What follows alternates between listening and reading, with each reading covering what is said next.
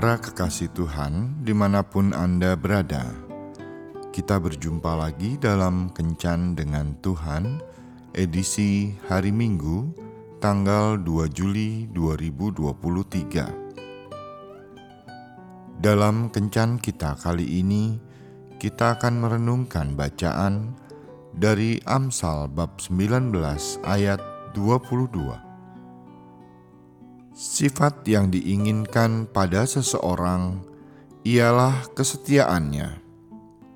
Lebih baik orang miskin daripada seorang pembohong. Sahabat kencan dengan Tuhan yang terkasih, beberapa tahun yang lalu Pak Dodi menyaksikan acara orang pinggiran di salah satu stasiun televisi dikisahkan seorang bapak di pedesaan yang bekerja sebagai pencari kepiting. Penghasilannya sehari-hari hanya sekitar 4.000 perak. Uang yang tidak seberapa itu diserahkan ke istrinya, dan istrinya hanya tersenyum dan berkata, "Kita bersyukur ya, Pak, karena hari ini kita dapat rejeki." Dengan setia, sang istri menyiapkan makan malam untuk sang suami. Tuhan menghendaki agar kita memiliki kesetiaan, setia dalam segala hal, untuk mencapai perkara besar dan menikmati janji-janji Tuhan. Tidaklah semudah membalikan telapak tangan dibutuhkan sebuah usaha keras dan perjuangan. Namun, semuanya itu berawal dari hal-hal yang kecil dan sederhana. Dari situ akan terlihat apakah kita setia atau tidak. Bagi Tuhan, tidaklah sulit untuk memberkati kita, tetapi Dia ingin melihat sejauh mana kita setia kepadanya. Firman Tuhan menyatakan, apabila kita setia dalam perkara yang kecil, Tuhan akan memberikan kita perkara yang besar. Kesetiaan tidak mengenal musim dan waktu.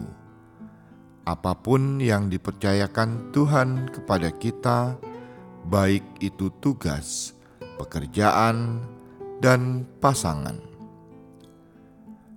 Marilah kita lakukan itu dengan penuh kesetiaan, walaupun di masa-masa yang sulit sekalipun.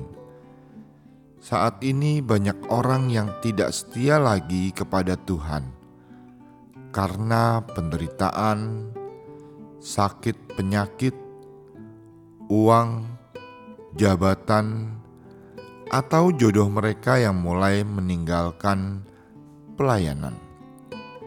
Malas berdoa, malas ke gereja, malas membaca firman Tuhan, bahkan ada yang sampai menyangkal imannya.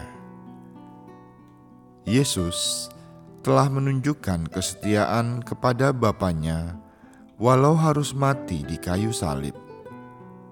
Oleh karena itu, marilah kita setia pada tugas, pekerjaan, pasangan, keluarga, dan kepada Tuhan. Tuhan Yesus memberkati. Marilah berdoa. Tuhan Yesus, di zaman yang serba modern ini, sulit bagiku untuk mencari seseorang yang bisa setia. Karena keegoisan dan kekuasaan, mereka bisa saling mengkhianati satu dengan yang lain. Tetapi aku bersyukur kepadamu karena punya Allah seperti Engkau.